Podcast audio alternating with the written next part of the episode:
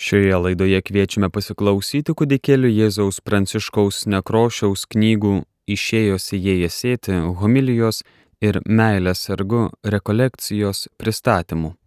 Įrašas iš Vilniaus išganytojo bažnyčios. Antra dalis. Tėve, broli, galbūt kai kas praleido visai šviežiai išėjusią laidą per nacionalinį transliuotoją, kuri leido nukeliauti jūsų dabartinę gyvenimo vietą, kurioje jau trejus metus esate Kolorado kalnuose, Ermitažą, kur gyvenate kaip atsiskyrėlis. Tad kaip jums sekasi tenais, kokiais rūpešiais ir džiaugsmais gyvenate kalnuose? Labai sunku klausimą džiugai uždavė, nes iš tikrųjų aš tengiuosi labai neklausyti savęs, kaip man ten sekasi, ar džiaugsmas, ar liūdėsys, bet tikrai, kad visas dėmesys būtų ir protai širdies dėmesys būtų sutelktas tik į viešpatį. Tai, nu, aš tai pasakysiu gal vėl savo stiliumi, aš gyvenu amžinybę tenai. Ten kiekviena diena atrodo tokia pati, bet iš tikrųjų labai skirtinga, nes meilė visada yra ta pati, ir kiekvieną kartą visiškai skirtinga.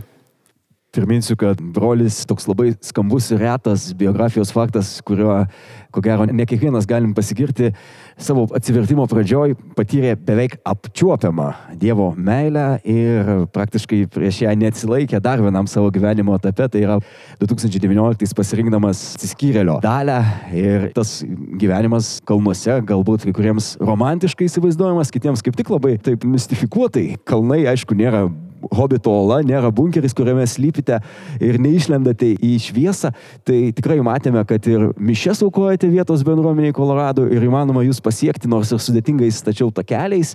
Tai kuogi pasižymė jūsų dienotvarkė ir kokios tos progos yra susitikti tenais. Tai iš tikrųjų, aš ten labai smulkiai papasakojau toj laidoj, jeigu kas dar nematė, tai galite pasižiūrėti LRT tinklalapį LRT.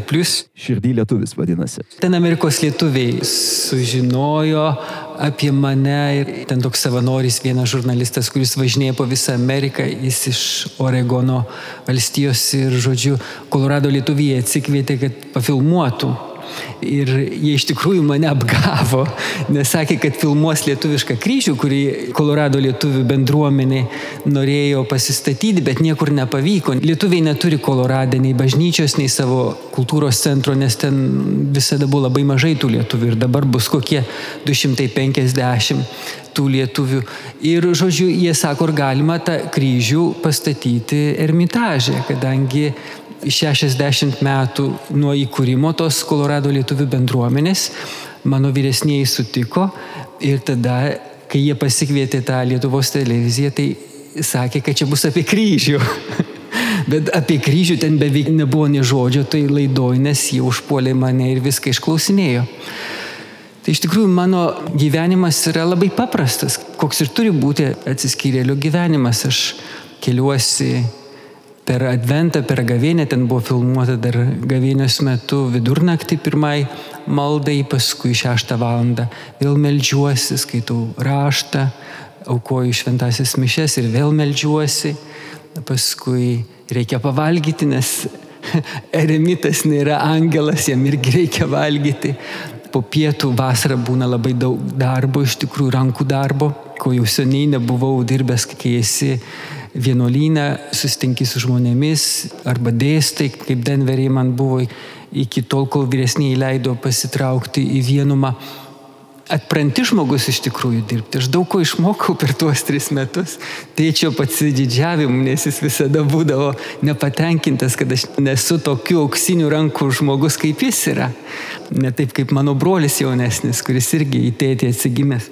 Tai po pietų vis tiek yra kažkoks darbas, net ir žiemą reikia malkų pasiskaldyti, nors talkininkai visada padeda man pasiruošti tų malkų visai žiemai. Paskui vėl melžiuosi valandą adoracijos, dvasinis skaitimas ir tada vėl viskas iš naujo. Į lovą, vidurnaktį keliamės, šeštą vėl keliamės, melžiamės, skaitom raštą ir ir ragaujam amžinybę. Dėkoju ir akimirkai siūlau nusikelti mums į tuos 2007 metus, kurių metu nuskambėję tekstai davė pradžią knygai Išėjus ėję sėti.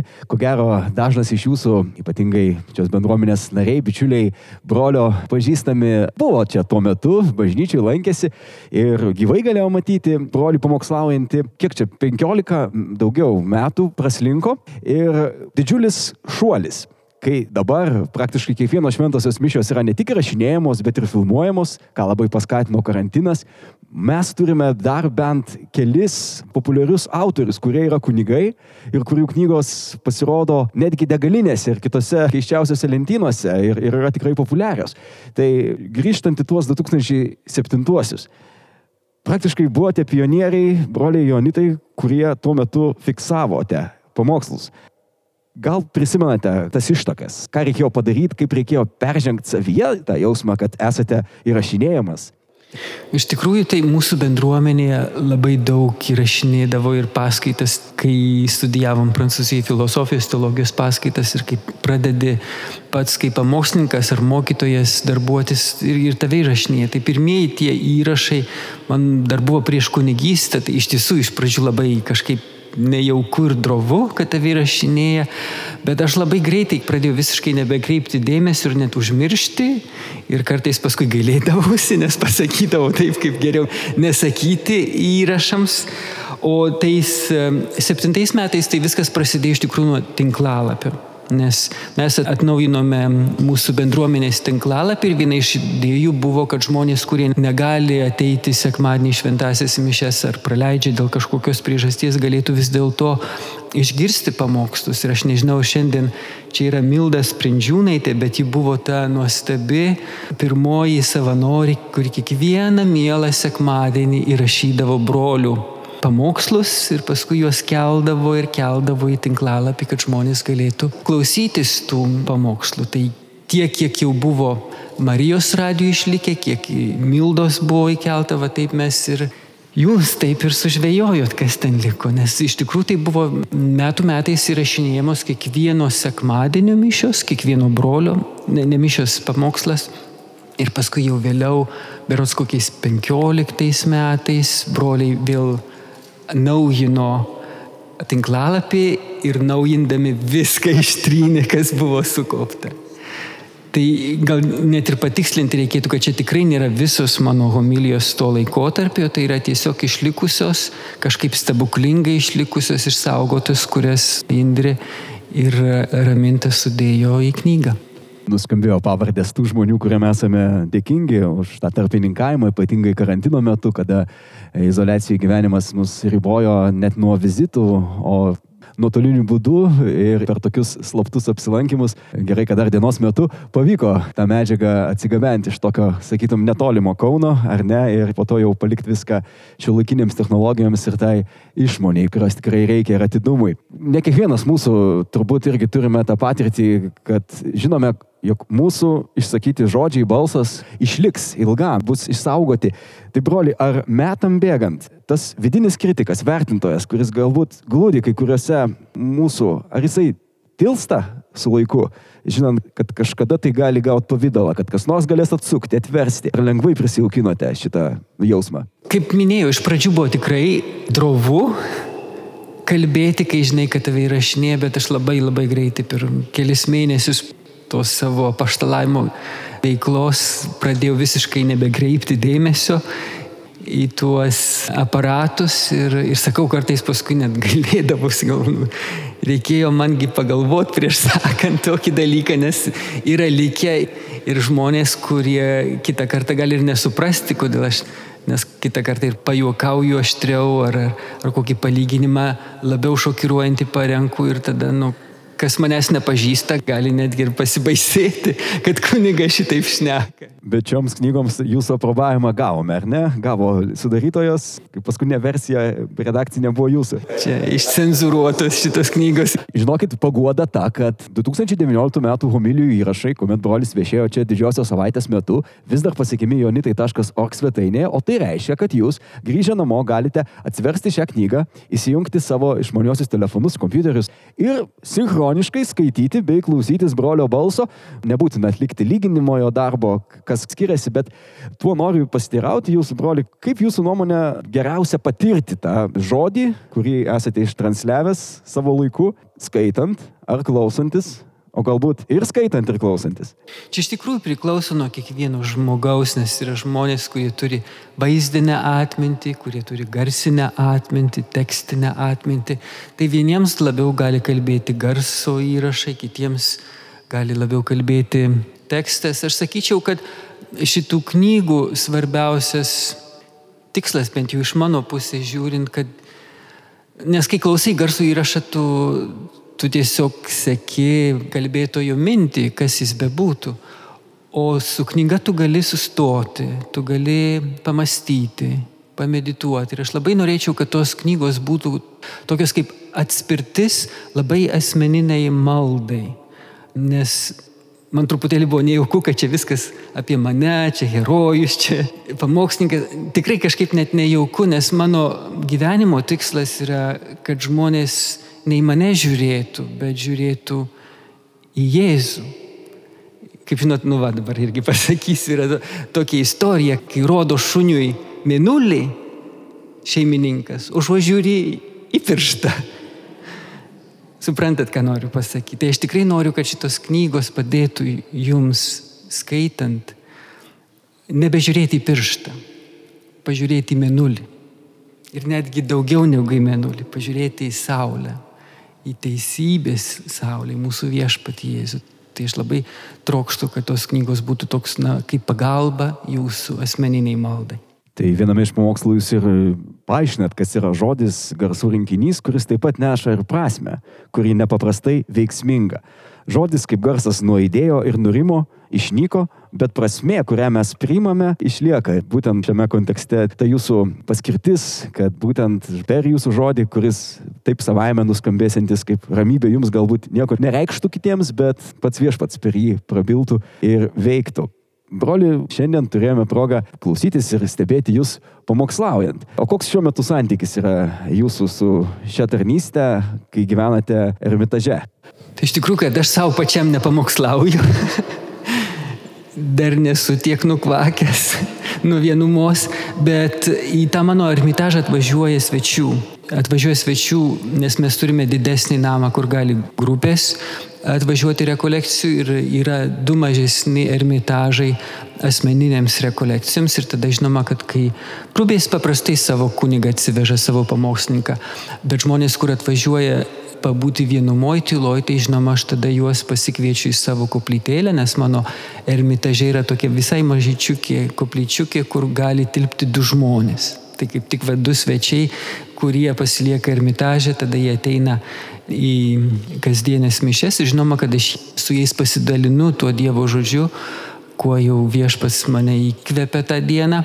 Ir taip pat vyresniai man yra leidę keturis kartus per metus vesti rekolekcijas grupėms, kurios atvažiuoja į Ermitažą, jeigu kiti mano broliai Denveryje yra užsiemę ar, ar nenori. Aš vis tiek turiu pirmenybę jiems palikti, nes vyresnysis, Amerikų vyresnysis norėjo, kad taip mane apsaugotų, apsaugotų mano pašaukimą, nes nepatikėsit, net ir pamokslavimas gali išblaškyti nuo Dievo kai gyveni atsiskyrėlio gyvenimą, kai tavo tikslas yra tyloje ir vienumoje susitikti Jėzų. Bet tuo pat metu vyresniai norėjo, kad aš nedingčiau visiškai iš tikrai šventojo nuo brolių pašaukimo, kuris yra pamokslauti ir mokyti, bet, nu va, aš turiu tokį limitą ir tikrai esu labai dėkingas vyresniajam, nes kitaip tai aš nebebūčiau atsiskyrėlis, aš būčiau tik tai kitokios formos pamokslininkas, bet tikrai iki šiol, nors daug mažiau, bet tebe pamokslauju.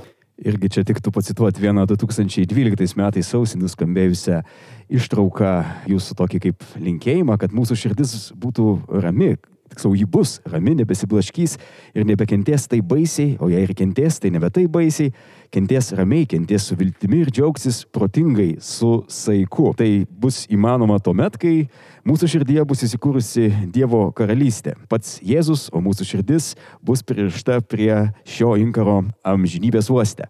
Ir mes netrukus sužinosime, kaip broliui sekasi, kad turime va štai šiandien dvi knygas, kaip jis primena dažnai, kurių autoriumi nėra jis, bet vis dėlto jo pavardė yra ant viršelio.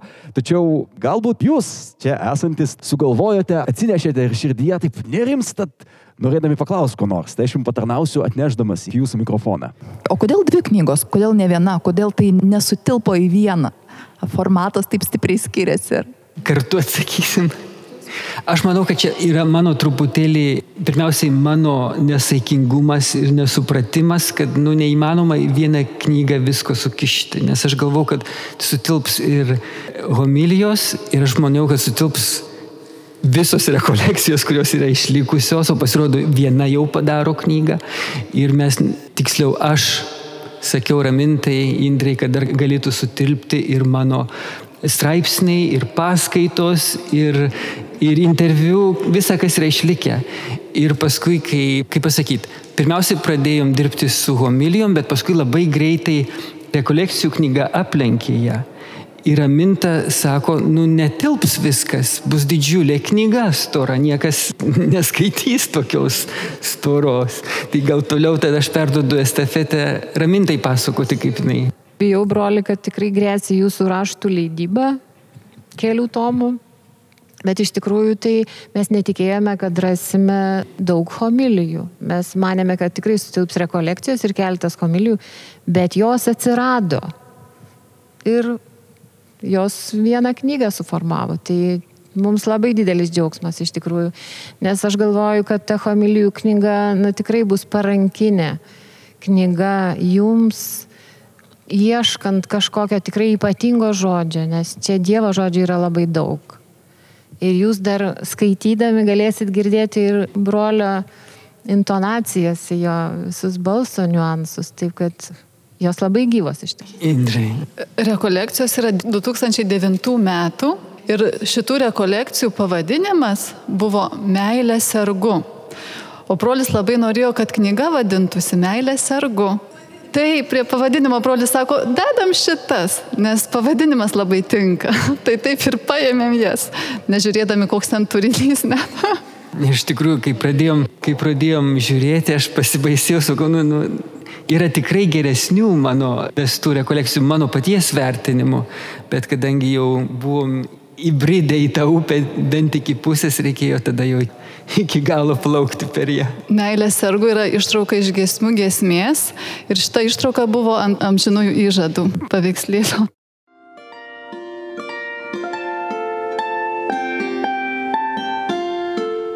Jūs girdite Marijos radiją.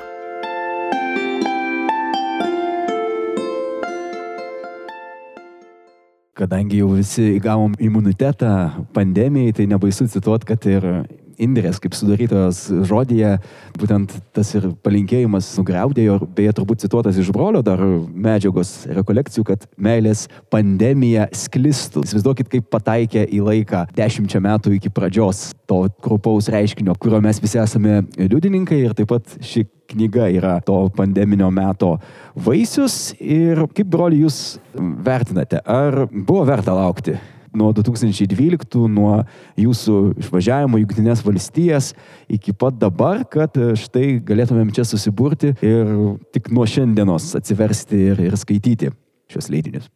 Aš turiu pasakyti, kad aš iki šiol dar netikiu, kad tos knygos išėjo taip ilgai planuotos ir norėtos ir trokštos. Tikrai ne tik raminta jūsų ar Indrės ar kitų žmonių, bet aš ir pats labai norėjau, kažkaip norėjau tos knygos. Nu, va, pasakysiu nuolankiai, gal nuskambės išpuikėliškai ir tuštybiškai, bet aš tikrai norėjau tos knygos.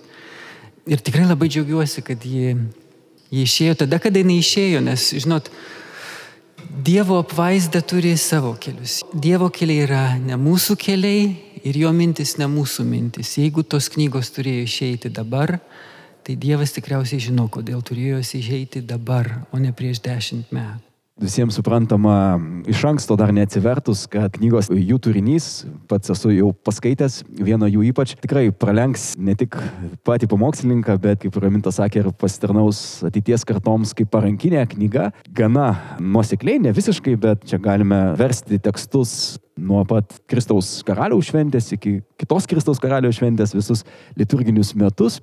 O kokie būtų patarimai Ramintos, Indrės ir brolio skaityti va taip, pavieniui skonėtis, mėgautis ar vieno įpų, ar pagal liturginės šventės. Žinau, kad visi variantai galimi, bet kaip patiems atrodo patraukliausia, kad nepersisodintumėm, jeigu įmanoma. Manau, kad visada skaitykite. Kai tik pristiks drąsos, imkite ir paskaitykite. Aš tai noriu palinkėti, kad skaitant klausytumėtės šventosios dvasios, kanai asmeniškai jums šnipžda. Nu, aš tikrai nežinau, kaip, kaip jas skaityti, tas mano homilijas. Aš sakyčiau, klausykit šventosios dvasios, kaip jinai įkvėps. Tikrai, kaip praminta sako, kad būtų kaip antidepresantas, gal nes gyvenam tokiais laikais, kai galima įsivaryti depresiją labai greitai. Ir ne tik dėl to, kas dedasi Ukrainui, kas apskritai mūsų visuomeniai, mūsų pasaulyje dedasi. Aš tik pasikartosiu, tikiuosi, kad tai bus kaip toks pagrindas atsispyrimas jūsų asmeniniai maldai kur yra atnešta ramybė, lengvumą širdies ir netgi džiaugsmą. Nors atrodo, ko čia džiaugtis šiais laikais, bet didžiausias džiaugsmas, kad Jėzus yra su mumis, jis yra prisikėlęs, jis yra pasaulio valdovas, ne Putinas. Pasaulio valdovas yra Jėzus ir kad jis mus išgelbėjo. Šias temas įvairiausiamis formomis, skirtingais žodžiais kai kada labai paprastais, tokiais kaip gyvybė, ramybė, meilė, mylimasis, tėvas, sunus, o kartais tokiom daugias sluoksniam konstrukcijom, bet labai labai labai sklandžiai, nuosekliai išvarijuotomis, jūs galėsite patirti skaitydami abi šias knygas. Ir jeigu galėčiau panaudoti tokią klišę, kaip žinote, yra greitų atsakymų knygos, kur tu atsiverti, ką turi žinoti kiekvienas įsilavinęs žmogus, tai tarkim, jeigu jums prireiktų nuodugnių atsakymų rinktinės, praktiškai, manyčiau, bet kokiu dangaus karalystės paslapčių klausimų, tai jūs rasite čia atsakymus. Jeigu kada nors ko nors neišgirdote per pamokslą, galbūt pritruko sujungimo, tai čia telpa ir Dievas tėvas, ir sunus, ir šventoji dvasia, ir Marija, ir mūsų tarnavimas artimui.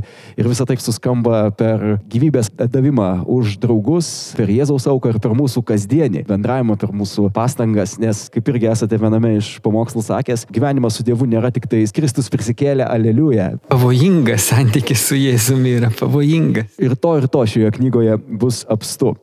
Tai mačiau, Rūta irgi kelia ranką. Kai brolis buvo čia, tai mes visi labai gausiai jautėm Dievo meilės žodį per jo buvimą, per jo žodį ir tai buvo vienas iš tokių šviesiausių turbūt na, daug šviesių periodų, bet taip pat nepaprastai šviesus periodas čia šitoj bažnyčiai.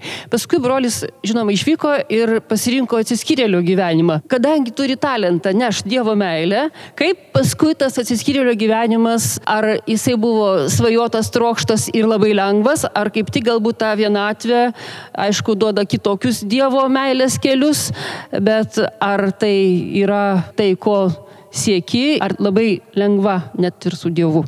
Žinot, atsiskyrėlio pašaukimo labai daug kas nesupranta bažnyčiui, net ir mano broliai nesupranta.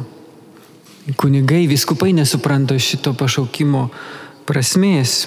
Nors viduramžiais kai kurie mystikai, teologai sakę, kad pasaulis laikosi ant atsiskyrėlių maldos. Tai yra ne mano pasirinkimas, tai yra tikrai viešpaties pašaukimas ir jis, jis atėjo labai labai anksti. Tie, kurie pažįstat mūsų bendruomenę, žinote, kad novicijai, naujokai, kurie ateina į vienuolyną, jie pagal mūsų regulą turi praleisti du mėnesius tokioj vietoj, kurią mes vadam dykumos vieta. Ir mes tokių turim keletą pasaulį. Vieno iš jų dabar gyvenu, kita yra Prancūzijos Alpėse, kur irgi teko gyventi visus metus prieš jau išvykstant į Junktinės valstijas. Ir ten, kaip novicijus, aš kartu su broliais atvažiavau ir turėjau progą tais laikais tik tai tris dienas galėjau pabūti ermitaže, nes mūsų buvo žvėriškai daug. Po 28 broliai, o celių buvo tik 12. Tai mes netgi negalėjom dviem mėnesiam atvažiuoti. Pirmą mėnesį viena pusė atvažiavo, kitą mėnesį kita ir paprastai turėtume dvi savaitės gyventi ermitažė, o teko tik po tris dienas kiekvienam. Ir man tos trys dienos buvo jau tada, 94 metų vasarą, man tai buvo taip aišku, kad čia yra mano pašaukimas. Ir aš atsimenu, kai pasakiau vyresniajam, jis sako, Pranciškau, po 20 metų Nes iš tikrųjų yra tokia tradicija, kad vienuolynai išleidžia gyventi vienuolį kaip atsiskyrėlį ne mažiau kaip po 20 metų bendruomenės gyvenimo. Ir kai aš pirmą kartą gyvenau tuos metus atsiskyrime Prancūzijos Alpėse 12-13 metais, aš supratau kodėl. Nes jeigu aš nebūčiau gyvenęs tų 20 metų, kurie mane iš tikrųjų kaip tokį akmenėlį visus aštrius kampelius nu, nugludino, nes Yra tokia latiniška patarlė vita komunis maxima penitencija. Bendruomeninis gyvenimas yra pati didžiausia atgaila. Tai aš supratau, aš tikrai nebūčiau ištvėręs tų metų tam ermitažė, jeigu nebūčiau gyvenęs tų 20 metų bendruomenėje. Tačiau po tų metų buvo labai labai aišku, kad tikrai viešpats mane ten šaukė ir jau tada su savo dvasios vadovu priejom išvadą, kad tikrai tai yra dovana ne tik man, bet ir bendruomeniai, kad vienas brolis yra šaukiamas e, melsis už visus ir už visą pasaulį. Ir e, dažnai broliai papriekašta sako, tu turi talentą pamokslauti, dabar užkasiai tą talentą į žemę. Mano sakymas labai paprastas. Dievui reikia padovanoti tai, ką turi brangiausia. Šiukšlės nėra tinkama auka Dievui kuo brangesnė auka, tuo jinai vertesnė Dievo akise. Tai aš tikrai nemanau, kad mano gyvenimas yra švaistomas, mano talentas užkastas, jis yra aukojamas kaip kvapus milkalas Dievo šloviai pirmiausia ir aš turiu vilties ir, ir pasaulio išgelbėjimą. Žinoma, mano paties sielos išgelbėjimu, nes kai meldiesi už nuodėmės, tai pirmiausia už savo, ir viso pasaulio, taip kaip Jėzus išmokė Šventą Faustiną. Pasigailėk mūsų ir viso pasaulio. Galbūt skaitysiantis sutiks, kad tai toks ganėtinai ryškus sudrevinimas, kai aš pamačiau tą eilutę, tiksliau ištisus tekstus knygoje apie tai, kad mes turime melstis, atgailauti, pasnikauti už kito, ne tik už savo nuodėmę, kad nuo mūsų irgi priklauso kito gyvybė. Na, aš iki tol nebuvau susidūręs su šia ištarme ir brolis ją kuo puikiausiai išplėtoja. Panašu, kad po tokio pasisakymo jau ir būtų metas baigti, bet aš norėčiau pasinaudoti irgi klausimo teisę, nes labai spurdu tiesiog norėdamas suprasti, netgi ant knygos parašyta, kad kūdikėlio Jėzaus Pranciškus, priesakydamas pamokslą, tekstų iš anksto nepasirašo. Niekada to nedaro, tik apmasto, ką turėtų pasakyti ir eina kalbėti visiškai pasitikėdamas šventąją dvasę, kad ji pasinaudos juo netobulu, bet jos įrankiu ir per pamokslininką pasakys žmonėms tai, ko jiems tuo metu iš tikrųjų reikia. Tai kaip gimsta čia stovint sakykloje jūsų pamokslai, kurie vėliau virsta knygomis? Nežinau, iš tikrųjų nežinau. Vis tiek pamokslam ruoždavausi ir užimdavau laiko. Pirmaisiais metais tai skaitydavau komentarus bažnyčios tėvų ir ir šventų rašto komentarus teologų, užimdavo labai labai daug laiko pasirengti, gerai pasirengti pamokslui. Ir tarp kitko, nors ten parašyta, kad niekada nepasirašo, aš iki šiol prisimenu, šiandien čia Astės tikriausiai nėra Astės Masiukaitis mūsų vienos iš pirmųjų oblačių. Ir aš atsimenu, mes buvom tik atsikėlę iš tą vienuolyną 2000 metais. Ir kas man šovė tą dieną į galvą, aš tada dar diakonas buvau, aš pasirašiau homiliją ir ją perskaičiau. Ir Astė prilėkė prie manęs po mišių, sako, kad paskutinį kartą šitaip darytum, sako, buvo per gražu. Ir kadangi per gražu, tai yra netikra. Kalbėk taip, kaip viešpas tau duoda iš širdies. Ir aš tiesiog paėmiau šitą jos patarimą į širdį ir daugiau niekada nebesirašydavau savo pamokslų. Aš manau, kad nuolankiai turiu pripažinti, kad yra taip pat ir natūralus talentas Dievo duotas ir, ir Dievo dovana. Būtų netikras nuolankumas neikti Dievo dovanas, kurias jis dovanoja. Ir aš tiesiog pasitikiu viešpačiu, Meldžiuosi, žinoma, tai aš apmastau pagrindinės linijas, ką aš norėčiau pasakyti, pagrindinės idėjas, bet labai dažnai aš pats išsižiūrėjau, ką aš čia dabar pasakiau. Nes, nu, tikiu, kad šventoji dvasia kažkaip veikia ir naudojasi net ir tokiu silpnu ir palūžusiu instrumentu, koks aš esu, nes aš esu toks pat nusidėlis kaip, kaip visi. Nešventumas padaro, kad esi talentingas, ne, tai yra Dievo dovana. Ir Dievas nežiūri, tu šventas ar nešventas, duoda tau dovaną, kad tarnautum kitiems linijos nuskambėjo kertinis žodis, kuriuos jūs tikrai patirsite, susidursite, skaitydami vieną pamokslą po kito. Knygoje išėjo įsėjęs sėti. O ar pats pasisotinate? Atsivertęs, ar turtėjate kažkiek nuo savo žodžių? Jeigu įmanoma iš visų kurti tą distanciją tarp rašytojo ir savo paties minčių, kaip skaitytojui pasijusti. Aš labai greitai užmirštu savo pamokslus, ką esu pamokslavęs, kartais jau tą patį vakarą nebeatsimenu, ką aš sakiau, nors žmonės ar broliai ir primena, bet ir sakau, tikrai aš tai pasakiau. Ir panašiai taip yra, kai paskui jau teko skaityti tuos pamokslus, kurie buvo prieš dešimt, prieš aštuonerius metus. Aš skaitau ir galvoju, Dieve, negi aš taip galėjau pasakyti, negali būti. Bet kita vertus, skaitydamas tiesiog atrodo, tarsi grįžčiau į tą pačią akimirką, aš jau žinau, ką aš toliau sakiau. Tiesiog, nu, va taip, taip labai įdomiai. Ir tada pasijuntu kaip karvė, kuri atrajoja. Tai vėl toks labai keistas jausmas. Tai ne, nesakyčiau, kad aš save patį maitinu, nes nu, tai būtų tikrai karvės atrajojimas, bet stebiuosi skaitydamas, kaip viešpats manimi pasinaudojo ir, ir kaip įkvėpė pasakyti tokius dalykus, kad paskui skaitydamas pas nustembu, negi aš taip galėjau taip gražiai pasakyti. Ačiū už atvirumą ir aš galiu irgi pažadėti visiems atsivertusiems šią knygą, jums irgi taip ataidės, kad jau kažkur ta brolis yra sakęs. Jau 2009 va pamokslė nuskambėjo ta pati mintis kaip ir šiandien Jonitose, bet juk tik geriau nuo to, nes mūsų tikslas turbūt nėra mėgautis grožinės literatūros kūriniu, o patiems lavėti per šį žodį, kurį brolis iš Dievo perdoda mums, suprantama kalba ir tikrai wow, kviečia į tokias studijas, kad tikrai maža nepasirodys tų leidinių. Ir vis dėlto, mano finalinis klausimas kiekvienam iš jūsų. Kaip matote šios knygos likimą, kokiam skaitytojui ji skirta, abi dvi knygos? Tai daugiau dovana jaunitų bendruomenės, nariams, bičiuliams, ar vis dėlto tai turinys savyje talpinantis užtaisą, kuris gali susprokti, kuris gali pareikalauti papildomo tiražo? Visą tai, aišku, priklausys nuo jūsų, kurie įsigys ir galbūt plisti garsiau negu pats brolis, nes brolis galbūt nefigūruos žurnalo viršeliuose, kaip be būtų man gaila dėl to, nedalyvaus knygų mūgėje, neduos autografų ilgiau negu šiandien. Mes nematysime jo knygų kol kas degalinėse, bet galbūt galime kažkokią tokią ambiciją savo užduoti ir būtent ką mano patys prisidėję. Aš trim žodžiais pasakysiu kiekvienam ieškančiam Dievo. Aš nežinau, ar broliui reikia labai didelio populiarumo, man jis į tokį nepanašus, nes kas ieško, tas randa, o kad tiražą reiks kartoti, aš nu šimta procentų įsitikinus. Tikrai. Nes jis labai nedidelis. 500 egzempliorių kiekvienos knygos. Nu, aš ką pasakysiu, tai pasakysiu vieną paslapti, kurios nežinau nei Raminta, nei Indri.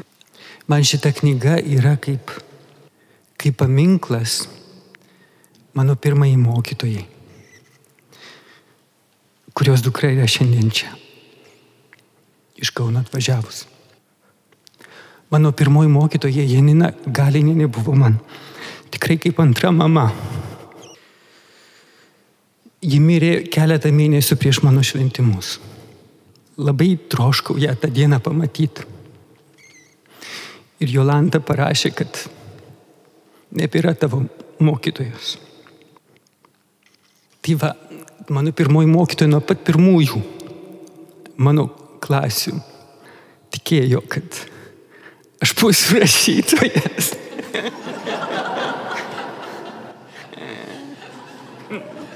tai aš tikrai nesu rašytojas ir netapau tuo rašytoju, bet, bet aš iš tikrųjų tos knygos norėjau.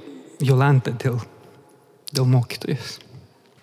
Aš draugė su jumis visais dar sėki noriu padėkoti knygos sudarytojams Ramintai Bunkieniai. Indrei Aušroteniai ir Dievo žodžio gelmes mums savo pamokslais atveriančiam tėvui, broliui, kūdikėlio Jėzaus Pranciškui Nekrošiui.